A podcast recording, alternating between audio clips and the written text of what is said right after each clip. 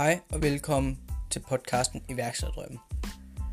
Det her, det er podcasten, hvor du kan høre spændende samtaler med forskellige forretningspersoner, for gode råd til investeringer og meget mere.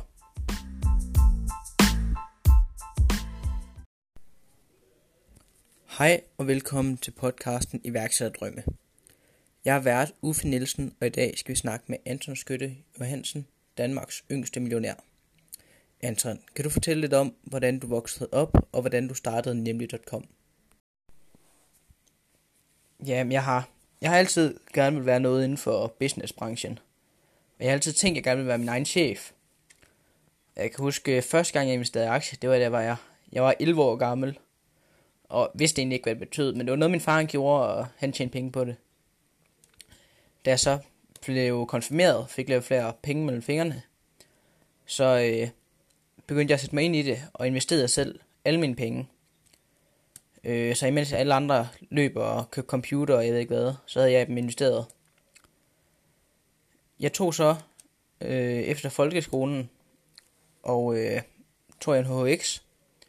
Og da jeg gik ud af 3.G, så fik jeg et job i Superbrusen, for jeg skulle samle nogle penge sammen til den forretning, jeg gerne ville lave.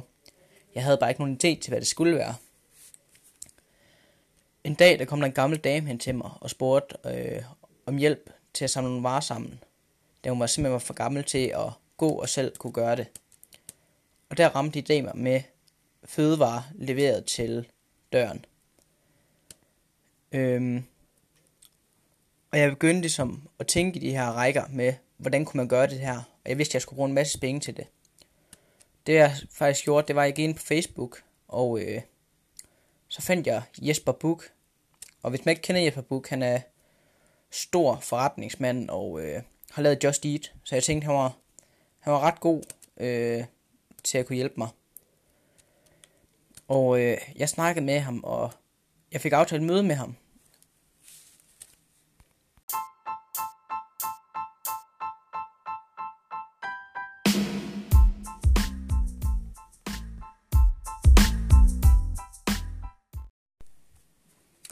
Ja, jeg mødte, øh, jeg mødte op på hans kontor onsdag morgen, en øh, kold vinterdag. Og øh, jeg har aldrig været så nervøs før. Men øh, han tog godt imod mig, og øh, synes, det var en sindssygt fed idé, og øh, var overrasket over, at der faktisk ikke var andre, der havde lavet det. Men øh, han sagde, at han gerne ville være en del af den her forretning, og øh, tilbød mig 10% for 500.000 kroner. Øh, og jeg overvejede det egentlig ikke. Jeg synes simpelthen, det var for vildt, at jeg skulle arbejde sammen med Jesper Buk på at lave den her forretning. Og hvis han ville investere en halv million kroner i min lille idé, så vidste jeg, at jeg havde fat i noget.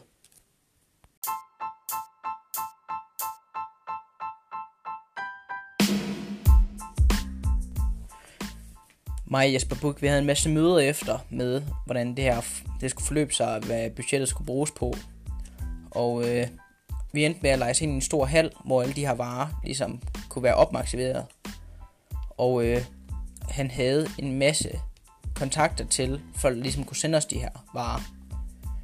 Så øh, jeg fandt fem ansatte, øh, og vi begyndte ligesom lille stille og roligt at åbne op. Og øh, han satte så fire af hans medarbejdere på at lave reklamer til os og få sendt dem ud. Og øh, vi brugte faktisk i de første to måneder af det her startprojekt, der brugte vi 100.000 kroner på reklamer. Og det virkede så også. Vi omsatte for 2 millioner kroner den første måned. Jeg var, jeg var helt chok. Altså jeg svedede op på en lysrød sky og følte virkelig, nu havde jeg gjort det. Jeg havde sat med, jeg havde ramt en kæmpe guldmine.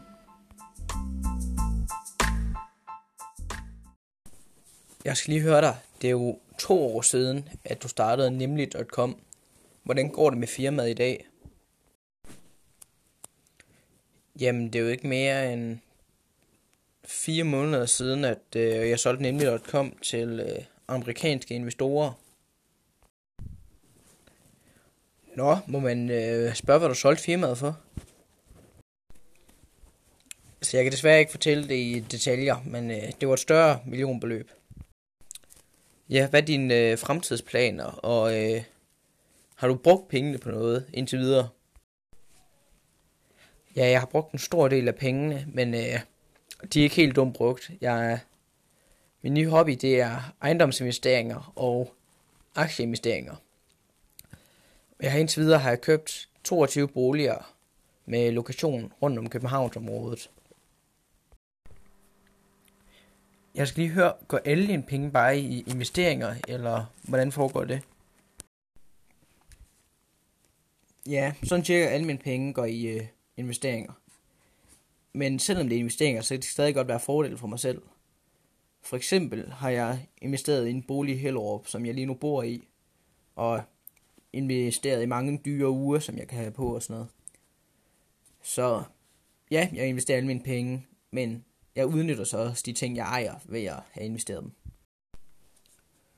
Så jeg skal lige spørge, hvad kan du bedst lide med at være ejendomsinvestorer og øh, iværksætter? Jamen, jeg har, tror, jeg, jeg har altid haft en indstilling med, at jeg ikke vil være fanget i et øh, 8-4 job og møde op på kontoret og lave det samme og lave det samme. Og som iværksætter, der ved du aldrig, hvad du skal lave den dag. Så jeg tror, det der med spænding i, at man ikke ved, hvad man skal lave, og øh, så interesserer det mig bare, hvordan man ligesom kan få penge til at vokse. Anton, der går lidt rygter om, at øh, du blev en del af Novo Nordisk. Er det rigtigt? Det er rigtigt, jeg blev en del af Novo Nordisk.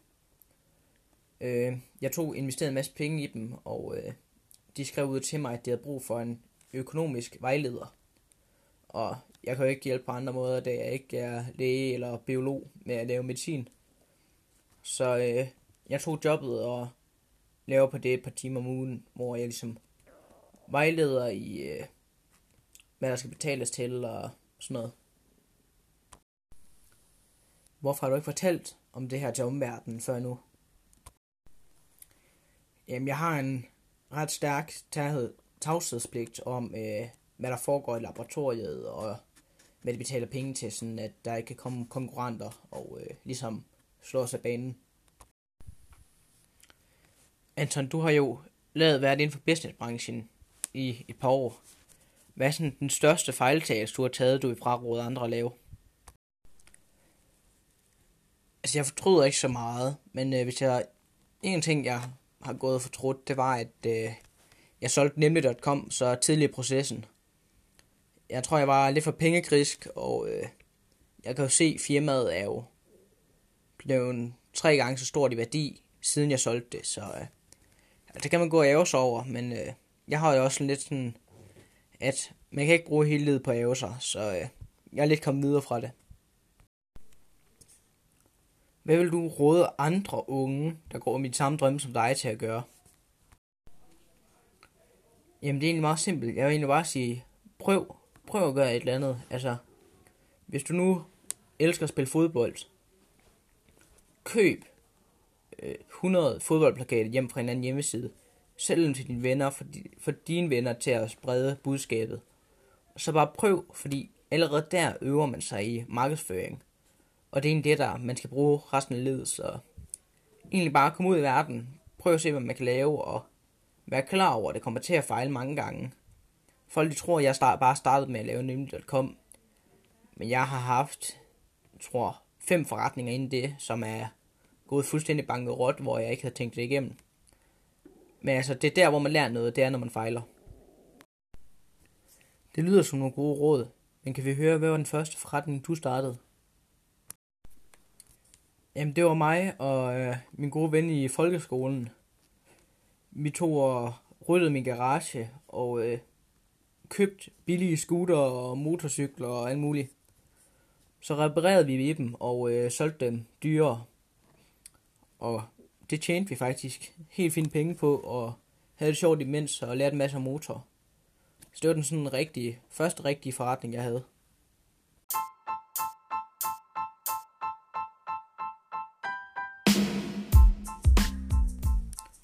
Vi har desværre ikke mere tid, men øh, tak fordi du var med, Anton Skytte Johansen. Det, det var programmet Iværksætterdrømme med jeres vært, Uffe Nielsen.